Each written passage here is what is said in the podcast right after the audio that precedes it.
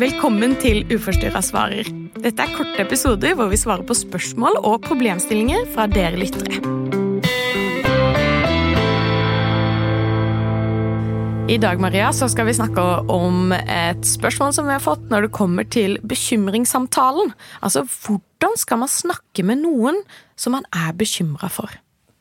Og det her er noe vi snakker mye om i ROS. Eh, det her med hvordan man skal ta den samtalen som for mange kan være utrolig skummel. Eh, og veldig mange kan kjenne på at følelsene igjen bare går helt løpsk fordi at man er redd. Og jeg tenker jo veldig ofte når man er veldig redd, så kan man kanskje reagere med å bli sint. Eh, så jeg tenker at det er veldig fint at man eh, også er litt god med seg selv. Hvis man kjenner at man er bekymra, så er det veldig lov å kjenne på at du er redd eller trist eller irritert, og at alle de her følelsene er lov. Ja. Og så tenker jeg jo også at før man skal ta en bekymringssamtale, så kan det være lurt å snakke med noen på forhånd. Altså rett og slett få lov til å få ut litt av de her vanskelige følelsene, Sånn at man eh, er litt mer rolig i det man skal ta denne praten. Mm. Og da kan jo vi i ROS eksempel være et alternativ. Um, det er jo ganske mange pårørende som ringer inn til oss eller kommer til en prat med oss for å få litt støtte og veiledning på hvordan kan jeg gå fram hvis jeg eksempel skal snakke med med barnet mitt som jeg er bekymra for. Eh, men det her kan gjelde for alle, uansett om du er eh, foreldre, søsken, venn, lærer eh, altså Kollega. Altså, kollega, ja. Det her er de punktene vi skal gå gjennom i den praten her, er sånn som alle kan bruke, og egentlig i alle aspekt av livet. Ikke bare hvis en skal snakke med noen som muligens sliter med mat, men mm. hvis en er bekymra for, eh, for, noen sånn generelt, så tenker jeg at disse punktene her er aktuelle. Og der sier du også noe veldig viktig, ikke sant, med at man kan bruke det her på mange forskjellige ting. Og det tror jeg også er litt sånn viktig før man går inn i en sånn bekymringssamtale, at det kan være at du selv har en helt sånn klar og tydelig idé om at det er det her den personen sliter med. Og det tenker jeg er litt sånn viktig å legge litt fra seg, og være litt sånn spørrende. Hva er egentlig dette her? Hva, hva foregår i livet ditt? Fordi at hvis vi er for eh, eh, konfronterende, at vi sier at ja, men du, du har en spiseforstyrrelse, eller du har det vanskelig med maten, så vil den naturlige reaksjonen være motstand. Mm. Fordi vi kan kjenne litt på det selv. Vi kan se for oss at hvis noen hadde sagt til meg at Elin, du har sånn eller sånn, så sa jeg oi, i all verden, hvordan vet du det? Eller hva, hva mm. Ikke kom her og, og, begynne å sette lapper på meg, ikke sant? Altså, ja. Det kan skape veldig sånn stor motstand.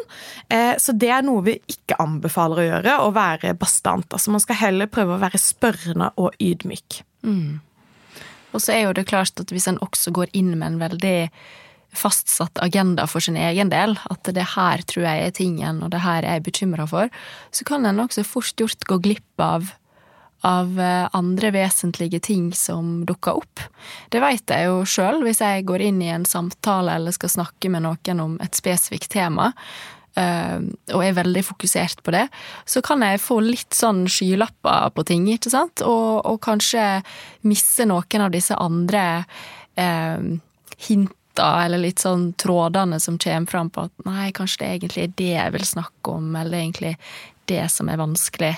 Um, kanskje personen først og fremst er ensom uh, og egentlig har mest behov for å snakke om det, men så er en så bestemt på at nei, men jeg er jo bekymra for at du eter lite, eller fordi du skjuler mat, ikke sant, og så misser en helt det personen prøver å kommunisere. Det er akkurat det. Så tenker jeg, ikke sant Nå har vi starta med at det kan være lurt å snakke med noen eh, på forhånd, sånn at man får dempa liksom de aller største følelsene, og gå inn med en ydmyk og spørrende holdning. Og så anbefaler vi også at når du skal ta den samtalen, at du tar den i fredstid, som vi ofte nevner. Og i fredstid, da menes det ikke sant, når du kjenner at det er en ok stemning, det er ikke rundt matbordet. Eh, kanskje er det når du sitter og vi skal se på TV, eller kanskje man er ute og går på tur, eller kanskje man kjører bil, eller hva det enn måtte være, hvor man kjenner at ok, dette her er en god stemning. Og det kan også være veldig fint, ikke sant, sånn som jeg sier, at når man kjører bil, eller når man eh, går på tur, så ser man ikke hverandre direkte mm. i ansiktet. Altså det å sitte rett ovenfor hverandre kan føles veldig konfronterende. Så ofte så ønsker jeg at man nesten skal sitte på siden av hverandre, sånn at man slipper den direkte ansikt-til-ansiktskontakten. Eh, det er på en måte én ting som, som, vi ser at kan være hjelpsomt, og også være litt sånn eh, var på at vi skal ha god tid her. Mm. Vi må ha eh, god tid, vi må vite at vi skal være uforstyrra en stund, sånn at man har et godt utgangspunkt for å ta samtalen. For man vet jo ikke helt hvordan en sånn samtale vil gå eller vil ende. Ja, absolutt. Og jeg husker sjøl da jeg var sjuk, at pappa hadde litt sånn eh, eh, Nesten som et slags rituale på at når han merka at jeg fikk det for tøft, eller ting låste seg, så sa han eh, du, skal vi ta og kjøre en tur? Mm. Eh, og da gikk vi ut i bilen, og så først så var det ikke nødvendigvis at vi snakka så mye om ting. Da var det kanskje bare helt sånn han satt og spøkte litt, eller uh, uh, vi snakka om helt andre ting. Og så etter hvert, når stemninga på en måte hadde fått roa seg litt, så begynte han, ikke sant. Hva, hva var det som skjedde nå, egentlig? Mm. hva var det som ble så vanskelig med den Eh, med det måltidet akkurat i dag. Mm. Eh, og nettopp fordi at vi var Da var det bare vi to i den bilen. Ingen kunne forstyrre oss. Vi satt, som du sa, ikke rett overfor hverandre. Og så hadde han klart å på en måte deeskalere situasjonen litt først. Mm. I tillegg til at jeg kunne sitte og se litt ut av vinduet og, og, ha litt andre distraksjoner, samtidig som jeg fikk satt ord på ting. Eller at jeg bare fikk sitte og grine litt uten å si så mye. Mm. Så det kan jeg understreke at det kan ha veldig god effekt. Ja, så sier du noe også at det var bare deg og pappa. Ja. Og det tror jeg også for veldig mange kan være fint at det bare er én som tar det opp. Så da kan man kanskje bestemme seg på forhånd, hvis det er mamma og pappa, at man bestemmer at ok, eh, pappa skal ta den praten. Eh, for hvis det er to stykker eh, mot én, eller hva jeg skal si, så kan det føles også veldig konfronterende. Mm. Så det kan være lurt å bestemme seg for at det skal være én som tar den praten. Og så tenker jeg at hvordan man starter den praten, det er liksom veldig mange som spør om ja, men hvordan i all verden skal jeg begynne å liksom peile meg inn på et så vanskelig tema? Og i det så sitter man egentlig litt på svar allerede. Fordi at man kan faktisk starte med at jeg kjenner at jeg syns at det er vanskelig å spørre om det her. Og jeg kjenner at jeg også er veldig redd for å si noe feil, men jeg har lagt merke til at du har trukket deg veldig tilbake i det siste, og jeg har liksom en magefølelse at noe ikke er helt riktig. Hva, hva tenker du? Mm. For man har faktisk lov til å starte på et helt ydmykt sted og rett og slett si det som det er. Jeg er redd for å si noe feil. Og det viser en sånn, sånn eh, det, det, gir en sånn mykhet, eller hva jeg skal si, til, til samtalen om at ja, en kan si noe feil. Mm. For det tror jeg at man må på mange måter liksom være litt forberedt på. At her kan det komme reaksjoner eh, som man ikke har lyst til å få. eller hva jeg skal si. Altså Det kan komme sinne, det kan komme frustrasjon, det kan komme fornektelse. Altså Man må være forberedt på alle de reaksjonene. Og det betyr ikke nødvendigvis at man har gjort noe feil. Det betyr kanskje bare at man har pusha borti noe som er veldig vondt og vanskelig. Og da kommer ofte alle klørne ut. Mm.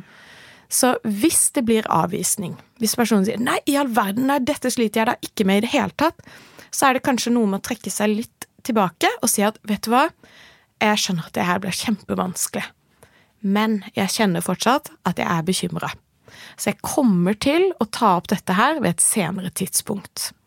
På den måten så kan det være at man har åpnet opp en liten luke, og at den personen kan få lov til å la det få lov til å modnes litt, og kanskje neste gang man tar det opp, at man kanskje når frem. Så for veldig mange så må man kanskje ta denne bekymringssamtalen flere ganger. Ja. Og jeg tenker jo også det er veldig fint med de eksemplene du kommer med der, at det går veldig ut ifra ens eget perspektiv, ikke sant? At det handler om at jeg opplever, eller jeg har observert. For da for er det noe med at du, du legger heller ikke føringer for, for den andre. Eh, du snakker ifra fra, eh, fra dine følelser og tanker. Eh, og da gir du også rom for at den andre kan si ja, men det er ikke sånn jeg har det, eller nei, det syns ikke jeg stemmer. Og så kan en da gå tilbake. Ok, hva tenker du? og at den også er konkret på hva er det nøyaktig som gjør en bekymra. Ikke sant, som du sier, at du trekker deg litt unna, eller du, du har virka litt mer lei deg, eller du, eh, du har ikke så lyst til å være med på håndballtrening lenger, noe som var veldig viktig for deg før, ikke sant? Eh, for at hvis en går rundt grauten, eller ikke tør å sette ord på det, så så merker den andre at ok, du, du tør ikke helt å spørre, så da veit ikke jeg helt om du klarer å ta imot hvis jeg er ærlig også. Eh, at det fort kan, kan bli en litt sånn eh, tilbakeholdenhet fra begge sider. Mm. Og det tenker jeg jo er veldig fint det du sier, for det kan også være spesielt hvis det er kanskje foreldre eller venn eller ja, hvem som helst. Så hvis man selv er syk, så kan det være at man er redd for å skulle være til bry. Redd for at det skulle bli for mye for den andre. Eh, og at man kanskje kjenner på litt ansvar for at man vil ikke at den andre skal være lei seg. Og det tror jeg også er veldig fint når man tar den bekymringssamtalen, at man viser at jeg tåler. Mm. Jeg tåler å høre det som kommer. Og så tenker jeg jo også at veldig mange kommer jo også med spørsmål er det, liksom, er det lov å si at du, jeg ser at du har gått mye ned i vekt, eller og, og, det er litt sånn Vi sitter ikke på noe fasitsvar her. Vi kommer med noen gode råd, kanskje, til hvordan man kan gjøre det på best mulig måte. Så jeg bruker ofte å si at det er best å prøve å unngå kommentarer på kropp. Eh, det er ikke sånn at det nødvendigvis er kjempefeil. Det er mange som har gjort det, og som har sagt liksom jeg ser at du ser bleik ut nå, og jeg ser at du har gått mye ned i vekt, jeg er bekymra. Det, det kan gå helt fint, og det kan bli tatt imot på en god måte. Men jeg tenker at hvis du har lyst til å være på den trygge siden, så er det best å på en måte unngå de kommentarene på kropp. Fordi at det rett og slett kan fortere bli tatt imot feil, eller så kan det også være spiseforstyrrelsen som klapper i hendene og tenker 'yes', mm. eh, hurra. så, så, jeg tenker jo at eh, prøv å unngå det. Eh, gå heller ut ifra andre ting du legger merke til. Og så vet jeg jo også at veldig mange, kanskje lærere, eller eh, kanskje du jobber på treningssenter, så er det sånn Ja, men jeg har jo ikke et sånn tillitsforhold til denne personen, så hvordan skal jeg da ta denne samtalen? Og jeg tenker jo faktisk at selv om det er veldig bra med et tillitsforhold før man tar en, eh, en bekymringssamtale, så tenker jeg at det er faktisk ikke heller nødvendig. Mm. Det å være et medmenneske og vise bekymring, det er også en måte å vise kjærlighet på, og det er en måte å vise bekymring på. Noe som egentlig er en positiv ting. Så jeg tror at hvis du jobber på treningssenter f.eks., eller er lærer og du ikke kjenner personen helt, så er det noe med å starte helt ydmykt, ta det til sides og si at du jeg, jeg, kjenner deg ikke så godt, og, og, og, jeg er veldig redd for å si noe feil her, men jeg kjenner at jeg har en magefølelse på at jeg er litt sånn bekymra, og jeg vet ikke helt hva det handler om. Hva tenker du? Og så kan det være personen tar det imot, så kan det være personen ikke tar det imot, men da har man vist bekymring, og det er faktisk en fin ting. Ja, og, og flere sier jo også faktisk at noen ganger kan det være enklere å, å få det spørsmålet fra noen en ikke har et nært forhold til, eller å snakke med det med noen som en ikke må eh, ta hensyn til, som du nevnte i stad, ikke sant? For at da er det kanskje enklere å være ærlig, fordi at en må ikke tenke på eh, åh, hvordan kommer du til å se på meg nå, eller eh, kommer du til å bli veldig lei deg eller bekymra? At da, da kan en i større grad bare få satt ord på det som faktisk skjer. Mm. Så kan en jo selvsagt oppleve å bli avvist, eller at personen ikke er der at det, det føles som et problem ennå. Men det å vise at en bryr seg, det er aldri feil, tenker jeg. Mm. Og så er det jo eh, ganger hvor man liksom ser at denne samtalen går bra, og personen innrømmer ja, jeg har et problem med dette, og det, eh, det er, jeg har det ikke noe greit. Hvor går veien videre da, Maria? Nei, da tenker jeg jo at igjen det å ha tid og rom for at vedkommende faktisk får lov til å sette litt ord på, på eh, følelser og tanker. Eh, at en viser at det er trygt. Eh, og så tenker jeg det kan jo være fint å utforske hva ønsker personen videre.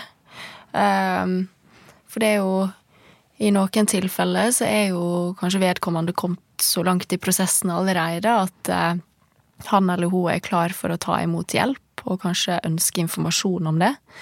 Mens andre ganger så, så trenger en kanskje fortsatt litt mer tid til å bare kjenne litt hvordan føles det ut å sette ord på det her, og hva skjer i meg da når jeg gjør det? Um, så, så utforsk litt, ok, hva, hva, ønsker du videre nå? Mm. Og hvordan kan jeg eventuelt være til støtte og hjelp for deg i den prosessen? Mm. Og så er det sånn at hvis personen er klar for hjelp, så er det jo, ikke sant Enten så kan man starte med lavterskeltilbud. Eh, da kan f.eks. vi ros være en mulighet. Eller så kan man eventuelt ta kontakt med fastlegen sin. Og der kan det også være litt sånn Kanskje personen kan få lov til å være med til fastlegen, sånn at man har en støtte.